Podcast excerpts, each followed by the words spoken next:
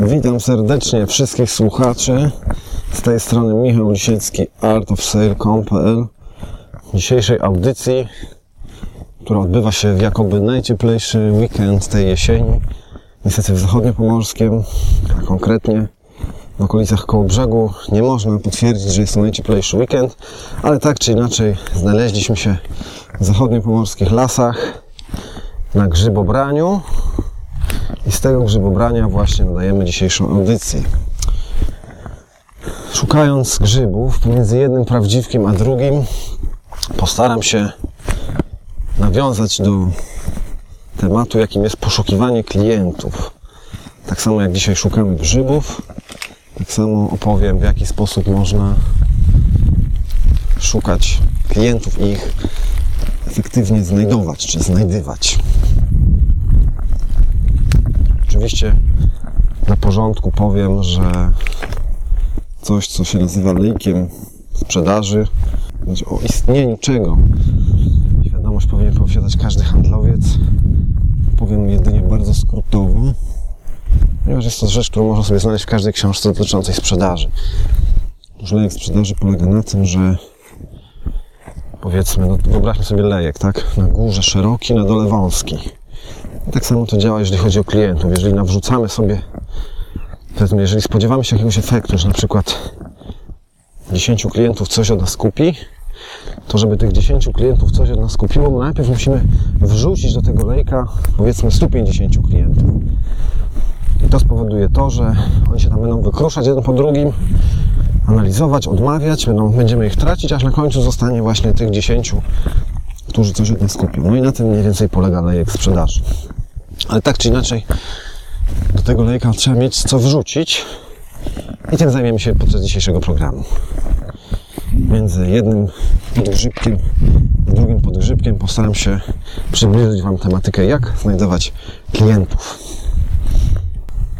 Oczywiście należy mieć świadomość, że istnieją dwa rodzaje sprzedaży, w których możemy brać udział. Pierwszy to jest powiedzmy siedzimy sobie w sklepie no i przychodzą do nas klienci. Takich klientów zasadniczo nie musimy szukać, bo oni sami wchodzą do naszego lokalu. Jedyne co musimy zrobić to jak już wejdą, to coś to, to spożytkować to we właściwy sposób. Czyli jeśli ktoś już wejdzie, to spowodować, zmaksymalizować prawdopodobieństwo, że taki klient coś kupi. No i tutaj oczywiście wszystko w rękach sprzedawcy.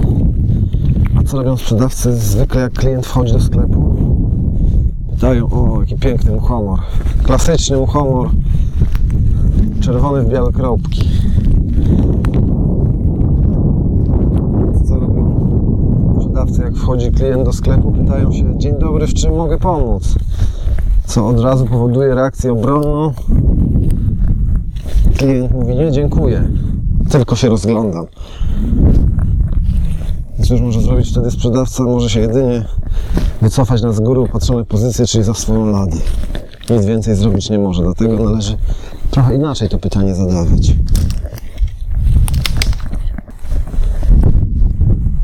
No oczywiście są różne szkoły, jakie pytania w takich sytuacjach można i warto zadawać. Jednym z takich pytań jest pytanie dobry Czy był Pan już kiedyś w naszym sklepie? Czyli jeżeli zadamy pytanie klientowi czy Dzień dobry, czy był Pan u nas już kiedyś? No to klient może oczywiście dać nam twarz, ale może odpowiedzieć już tylko na dwa sposoby. Tak albo nie. Jeżeli klient powie tak, byłem już u Was, piękny grzyb, mi się trafił. Jeżeli klient odpowie tak, byłem już u Was kiedyś, no to otwiera nam się pole do takiego stwierdzenia. To bardzo się cieszę. Dla stałych klientów mamy świetną dzisiaj ofertę. No i dalej już musimy kombinować normalnie. A jeżeli klient powie, nie, jestem tu pierwszy raz, odpowiadamy mniej więcej coś w stylu Oto bardzo miło nam powitać Pana w naszym sklepie. Dla nowych klientów mamy tutaj specjalną ofertę. No, największą zaletą tego rodzaju pytań jest to, że niezależnie od tego, co klient odpowie, my nie zamknęliśmy sobie drogi do dalszej z nim rozmowy. Tak jak w przypadku pytania, czy mogę panu w czym pomóc? Nie. Koniec rozmowy. A w przypadku, o którym, o którym ja mówię, niezależnie od tego, co powie klient, nadal możemy jakby kontynuować naszą rozmowę i prezentować ofertę sklepu. No dobrze, tyle jeżeli chodzi o sklepy. Ale bardzo często jest tak, że jest handlowiec, który działa sobie w biurze on musi dopiero klientów wyszukać. On, on nie, nie, ma takiego, to nie jest sklep, nie ma bezpośredniego kontaktu z klientem od razu, tylko musi ich jakoś znaleźć, z nimi się umówić na spotkanie i dopiero wtedy dopiero wtedy następny piękny grzyb dopiero wtedy może się z nimi spotkać. No i teraz pytanie, jak takich klientów znajdować, czy znajdywać? Otóż rzeczywiście dzięki świetnemu wynalazkowi ludzkości, jakim jest internet, mamy wielką możliwość docierania do setek potencjalnych klientów, zanim oni w ogóle jeszcze dowiedzą się o naszym istnieniu. Po prostu przeszukujemy zasoby sieci pod kątem interesujących nas firm, bo tak naprawdę ta metoda przez, przez internet sprawdza się zasadniczo wyłącznie w takich branżach czy w takich, w takich działalnościach B2B, tak? Business to business. Jeżeli trafiamy, chcemy trafiać do klientów, nazwijmy to indywidualnych, to oni przecież w internecie nie siedzą, nie mają swoich stron. A jeśli mają, to jest to, jest to niezwykła rzadkość. Dlatego przeszukiwanie internetu sprawdza się w przypadku, jeżeli robimy interesy, czy sprzedajemy coś innym firmom. Jeżeli jesteśmy firmą, która sprzedaje coś innym firmom. Przeszukiwanie za pomocą internetu jest w miarę proste. Po prostu wpisujemy frazę, która nas interesuje, jeżeli na przykład sprzedajemy no ja na przykład aktualnie zajmuję się sprzedażą wodomierzy, no to wpisując sobie frazę hurtownia wodomierzy, czy hurtownia wodomierze, wyskakuje mi zestaw firm, do których muszę po prostu zadzwonić, czy wysłać maila, najlepiej jedno i drugie, z informacją, że ja wodomierze posiadam, no i chciałbym się spotkać z kimś takim, żeby mu przedstawić ofertę mojej firmy.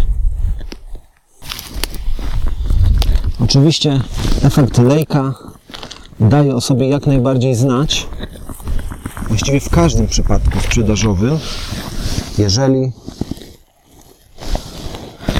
jeżeli siedzimy w sklepie i sprzedajemy coś w sklepie, no to oczywiście, ja oczywiście mówię tutaj tak trochę bardziej strzelam, bo nie znam dokładnych statystyk, ale można zakładać, że na każdych 100 klientów, którzy wejdą do sklepu, powiedzmy 80 dokona zakupu.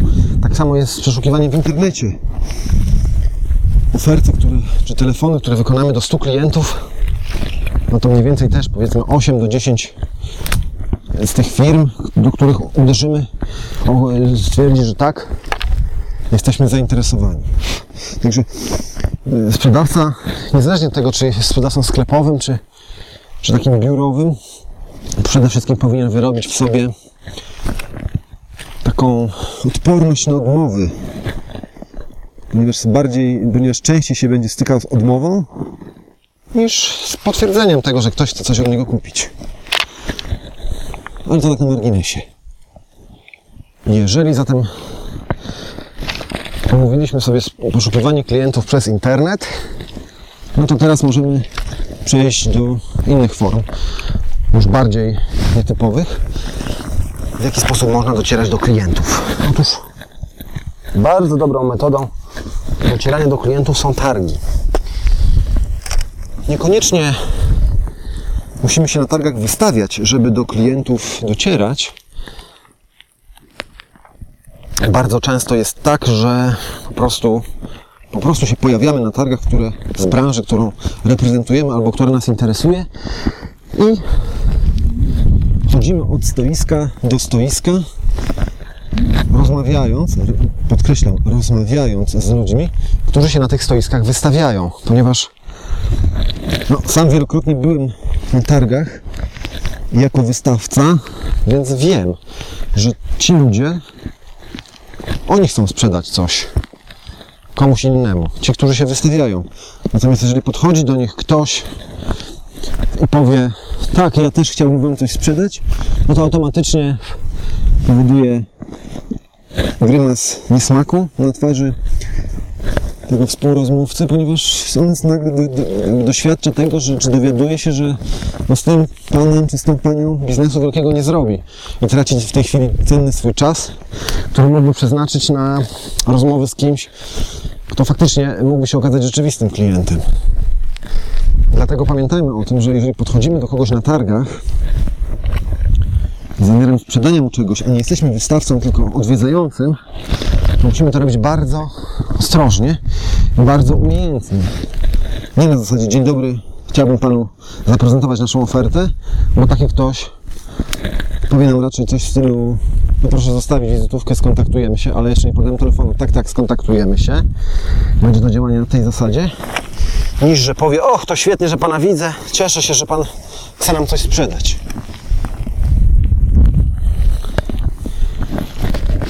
Dlatego bardziej bym tutaj się skłaniał ku takiej luźnej rozmowie, która nie od razu zdradza, o co nam chodzi. Że to my chcemy coś sprzedać. Staramy się raczej wysądować, czy rozmawiamy z osobą decyzyjną, czy po prostu z jakimś handlowcem, który, no, którego zdaniem jest sprzedawanie, a nie kupowanie. Więc dobrze byłoby wyciągnąć informację, czym firma się zajmuje, ewentualnie czy ma jakieś problemy, bo jeżeli ktoś nie ma żadnych problemów, to nie będzie nic od nas kupował. Niezależnie czy chodzi tu o jedzenie, Mercedesy, czy cokolwiek innego. Zakup musi się, jeżeli, jeżeli ktoś chce coś kupić, to, to musi się to wiązać z istnieniem jakiejś niezaspokojonej potrzeby. To oczywiście wszyscy dobrze wiemy. Dlatego dlatego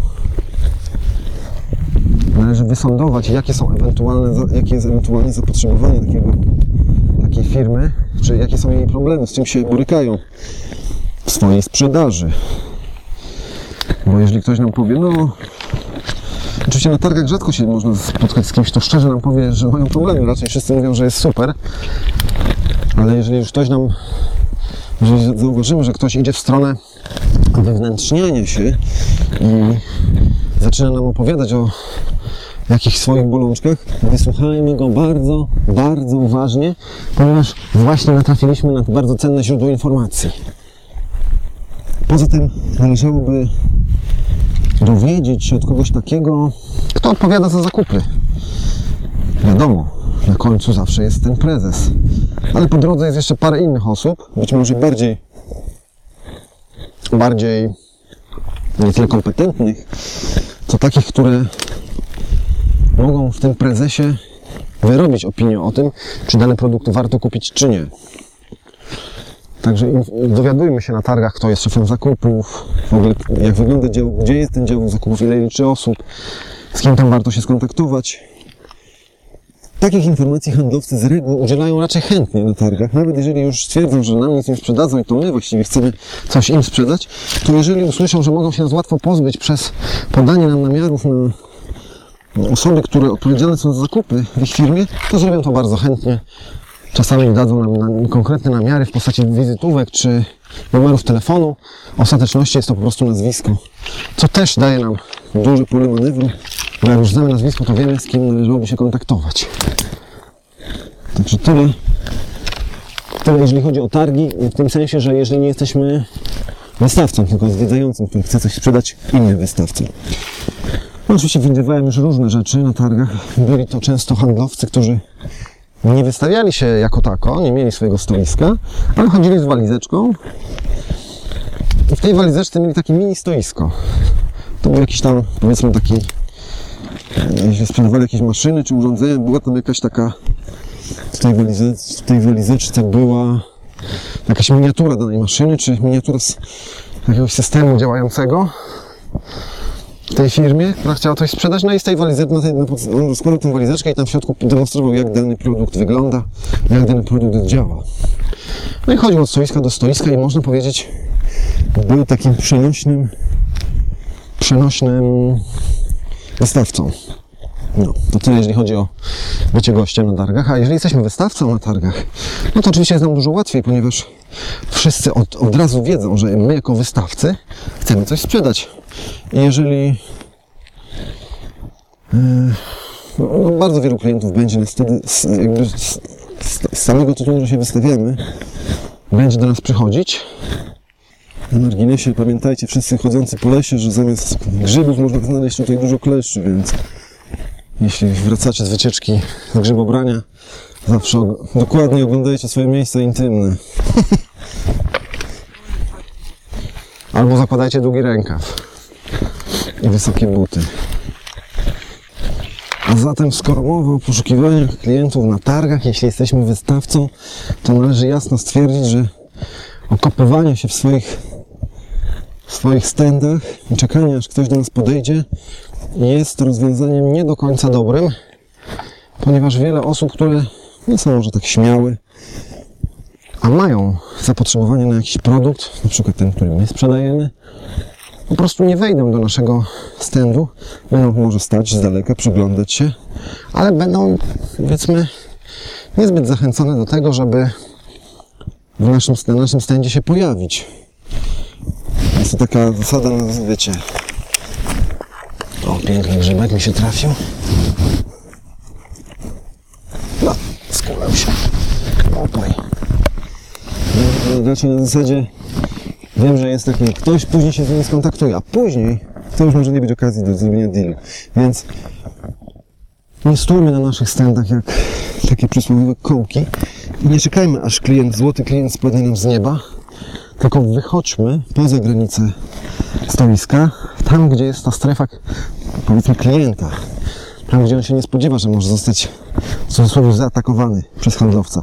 Czyli wyjdźmy sobie z półtora, z krok półtora przed nasz stand i uśmiechajmy się do ludzi.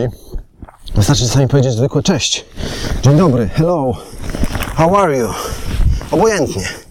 Ważne, że nie stoimy i nie czekamy, tylko sami wykazujemy inicjatywę, żeby z kimś porozmawiać. Czasami będzie to rozmowa przysłowiowej dupie maryny, a czasami może się okazać, że gość, którego właśnie zaczepiliśmy, to jest właśnie ten, którego, na którego czekaliśmy. Także tak jak się uczy zawsze na, na szkoleniach, wykazuj się inicjatywą, to pamiętaj, że samo wystawienie się na targach to nie jest wykazanie się inicjatywą.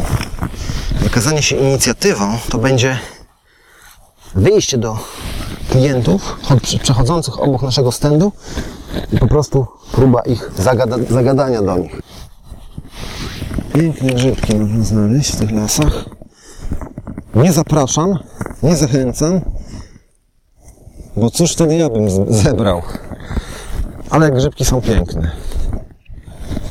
Ja w ogóle prawie nie znam się na grzybach. Znam tylko trzy rodzaje grzybów, które wiem, że należy zbierać i je po prostu zbieram.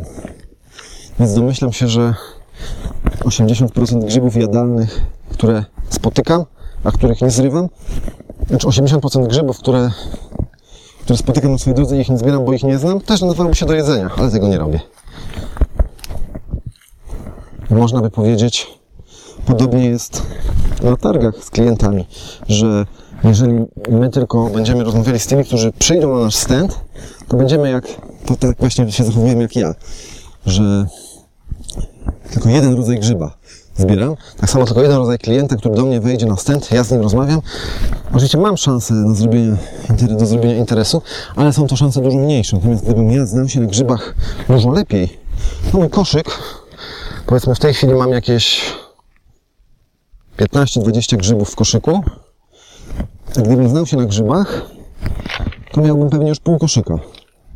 I tak samo jest z klientami na targach. Jeżeli, jeżeli wyjdziemy poza strefę komfortu i wyjdziemy poza nasze stoisko, będziemy rozmawiać z ludźmi, niekoniecznie na tematy handlowe. Tak jak mówię, zacznijmy od prostego cześć, dzień dobry, co słychać, co nowego, jak się podobają targi. to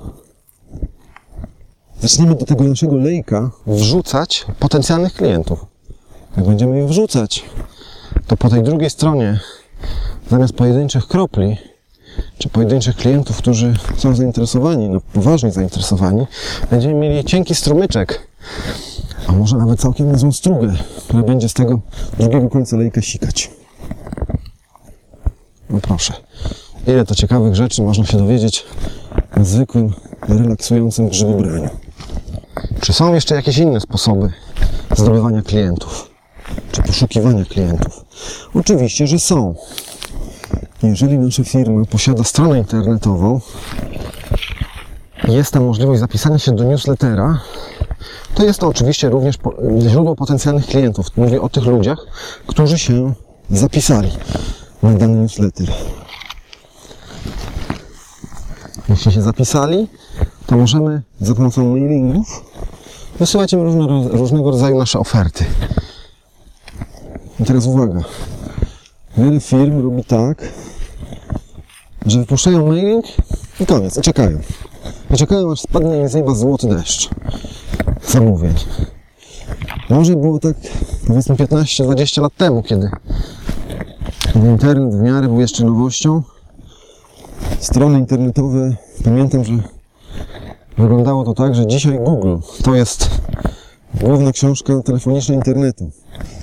A kiedyś, ja sam taką książkę mam. Kiedyś były to książki. To były jakby książki telefoniczne, tylko że zamiast numerów telefonów były w niej adresy internetowe różnych firm. Tylko o to chodziło, tam nic innego nie było. Natomiast dzisiaj wysłanie newslettera i czekanie na reakcję to jest po prostu wyrzucanie pieniędzy w błoto, ponieważ dzisiaj robi się to tak, że wysyła się newsletter, jeśli posiada się jakąś bazę, jak zdobyć bazę, o tym za chwilę, czyli wysyłamy newsletter i teraz istnieją od specjalne programy czy usługi, które, za pomocą których możemy monitorować, co się z danym mailingiem dzieje, ile osób go na niego kliknęło, ile osób go wyrzuciło do śmieci, Możemy analizować poszczególne osoby, kto ile razy otwierał taki mailing, gdzie przechodził, o której godzinie.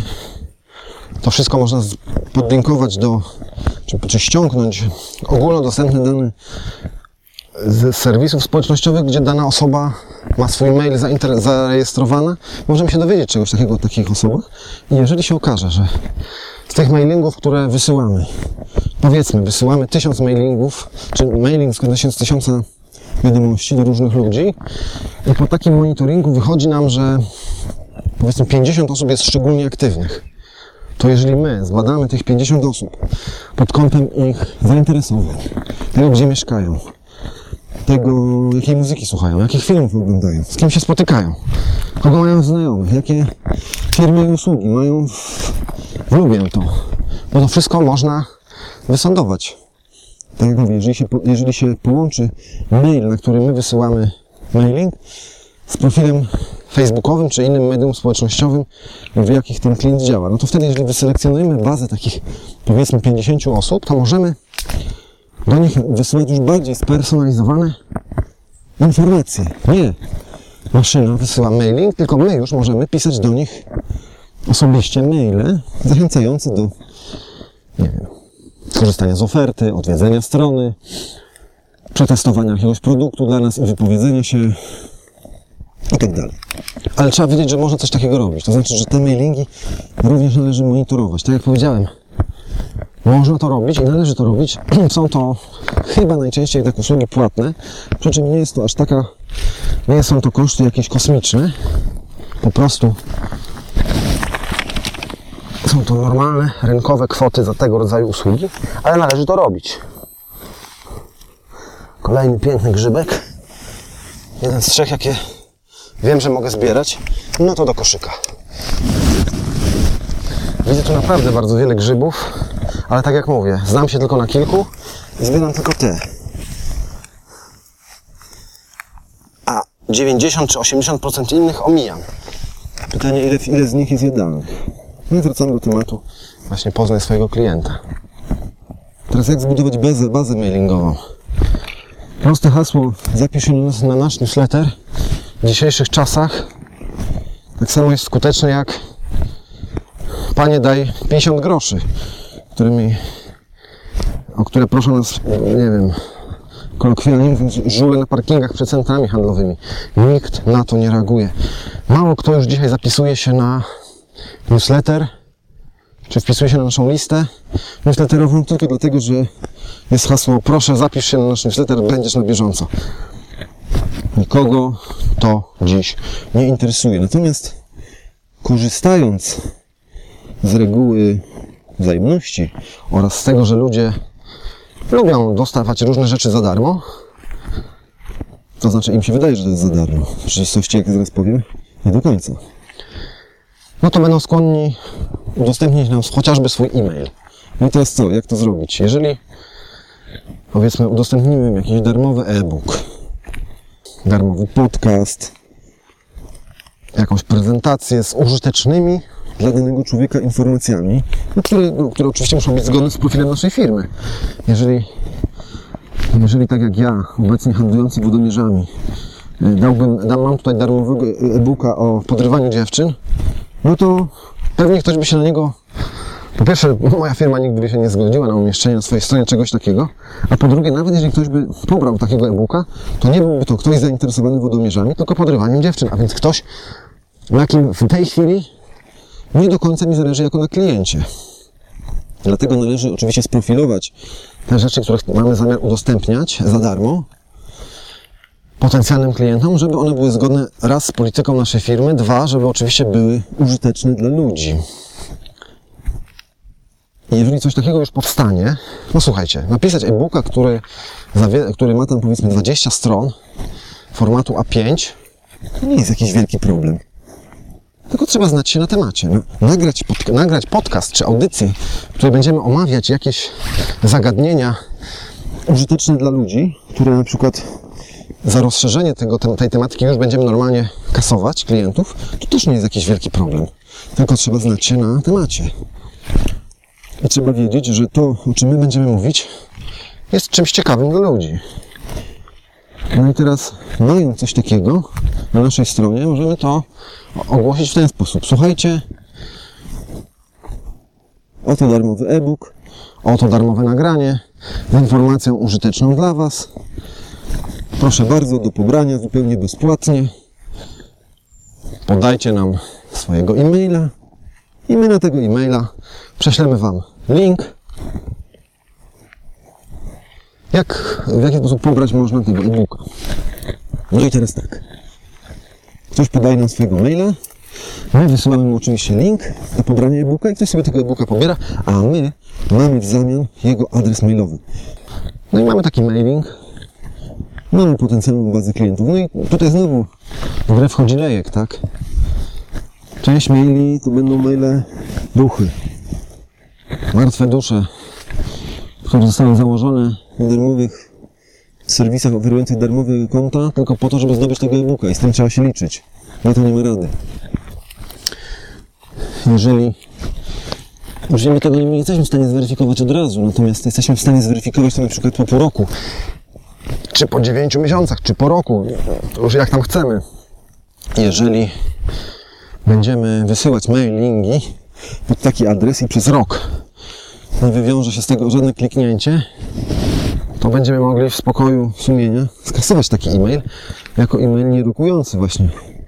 E-mail duch. Natomiast no to, mówię, to jest lejek sprzedaży, tak, że będziemy mieli w bazie 2000 maili, z czego powiedzmy 300 to będą maile prawdziwe, takie, które rzeczywiście ludzie używają na co dzień, z czego 50 to będą maile powiedzmy 50 to będą maile, które będą klikać na te mailingi, będą reagować jakoś na te mailingi, które my im będziemy wysyłać.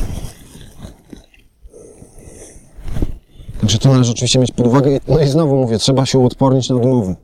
To znaczy, że my wysyłamy powiedzmy 10 tysięcy maili, przychodzi nam 50 zgłoszeń. No nie można tego traktować jako osobistej porażki, po prostu tak to działa, tak działa statystyka. Zawsze jak jedzie się, nie wiem, nad morze, czy, z nadmorza do domu, na poboczach dróg stoją dziesiątki, grzybiarzy, którzy oferują, mają już zebrane grzyby do koszyków, do specjalnych plastikowych pudełek. Można sobie takie grzyby kupić bez problematycznego wchodzenia do lasu. Gdyby to przełożyć na rzeczywistość biznesową, można by powiedzieć, że są firmy, które próbują sprzedawać nie wiem, bazy danych, czy bazy klientów, czy sądować za nas, bada, badać jakiś rynek. Tak jak ci grzybiarze, którzy stoją przy drodze, po opłaceniu im pewnej kwoty wynegocjowanej wcześniej, tacy, takie firmy, czy takie agencje pojawiają się, wracają do nas z bazą jakichś tam potencjalnych klientów, których, których oni już, których oni już wcześniej przeszukali, których mają dla nas. Oczywiście z tego wszystkiego również można korzystać i w niektórych przypadkach jest to całkiem opłacalne. Należy sobie tylko odpowiedzieć na pytanie, jak bardzo zależy nam na pozyskiwaniu klientów w ten sposób. I do kogo należy baza, którą taka firma dla nas przeszuka. Bo jeżeli oni sobie zastrzegą w jakimś regulaminie, że kontakty tak, ale baza zostaje u nich, niestety jesteśmy na tym trochę stratni. Bo oprócz tego, że my będziemy takich klientów bombardować informacjami od nas, klient będzie bombardowany również informacjami z tej danej firmy, co w dłuższym okresie może się okazać dla niego nie do wytrzymania psychicznie. I kogoś z tych dwóch firm pośle do diabła. Ale też warto zdawać sobie sprawę, że taka możliwość jak poszukiwanie klientów przez tego rodzaju pośredników też istnieje. To się bardzo dobrze sprawdza w przypadku jakichś rynków trudnych. Trudnych albo takich, do których my mamy trudność dotrzeć przez na przykład jakiś skromny, zbyt skromny budżet na, na wyjazdy służbowe gdzieś daleko. No, trudno powiedzieć, że na przykład wyjazd do Nowej Zelandii, żeby się spotkać z pięcioma klientami potencjalnymi, no, może być szacowany jako opłacalny. I tutaj przydaje się pośrednictwo kogoś takiego, kto na przykład siedzi w Nowej Zelandii albo ma tam jakąś już bazę firm stworzoną i może sobie, możemy wysądować z jego bazy ludzi, którzy potencjalnie są zainteresowani naszym produktem. Ale jeżeli ktoś nam proponuje coś takiego na rynku słowackim, niemieckim, ukraińskim, to raczej możemy sobie to odpuścić i sami na własną rękę szukać potencjalnych klientów. Oczywiście istnieją również inne, bardziej nietypowe sposoby poszukiwania klientów. Wystarczy wpisać sobie w YouTubie frazę will it blend, will it blend. Czy to da się zblendować, czy zmiksować po polsku, by to brzmiało. I tam można zobaczyć kolesia, który za pomocą zwykłego blendera, no może nie takiego zwykłego, za pomocą blendera, który on właśnie produkuje i sprzedaje, mieli różnego rodzaju przedmioty codziennego użytku, takie jak buty, iPhony, iPady, komórki, śruby i nakrętki. No i to oczywiście lepiej przekonuje klientów do produktu naszego, taki prosty filmik, niż zapewnienie 100 sprzedawców, że będzie Pan zadowolony. Tylko trzeba sobie postawić również jedno ważne pytanie. Kto będzie oglądał nasz filmik, jeśli nikt nie wie o naszym istnieniu? Dlatego oczywiście historia Will It Blend jest bardzo inspirująca, ale trzeba sobie najpierw opracować plan działania, w jaki sposób sprawimy, że nasze filmiki będą oglądane. A to już trzeba robić trochę w oderwaniu jednak od takiego mitu social mediów, że kto się pokaże na YouTube, to natychmiast zdobywa tysiące oglądających. Tak się nie dzieje. Te operacje zdobywania popularności trzeba robić bardzo tradycyjnymi kanałami. Także gdyby chcieć dać przykład, w jaki sposób stać się sławny na YouTubie, tak jak stał się Will It Blend, no to można powiedzieć, że gdyby nam się udało sprawić, że będą nas pokazywać kilka razy w swoim programie szkło kontaktowe, to już jakieś tam publicity możemy sobie zdobyć i wyrobić. Ale żeby tak się stało, no to musimy oczywiście nakręcić film, który będzie do takiego programu szkło kontaktowe pasował. To musimy właśnie zrobić.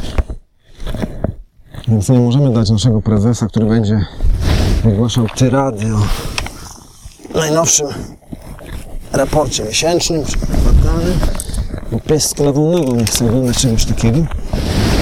Ale właśnie tutaj musimy dać na przykład prezesa, który kombinezonie uczonego mieli w naszym w cudzysłowie blenderze swojego iPhone'a. I wtedy ludzie będą chcieli to oglądać, bo jest to śmieszne i ciekawe.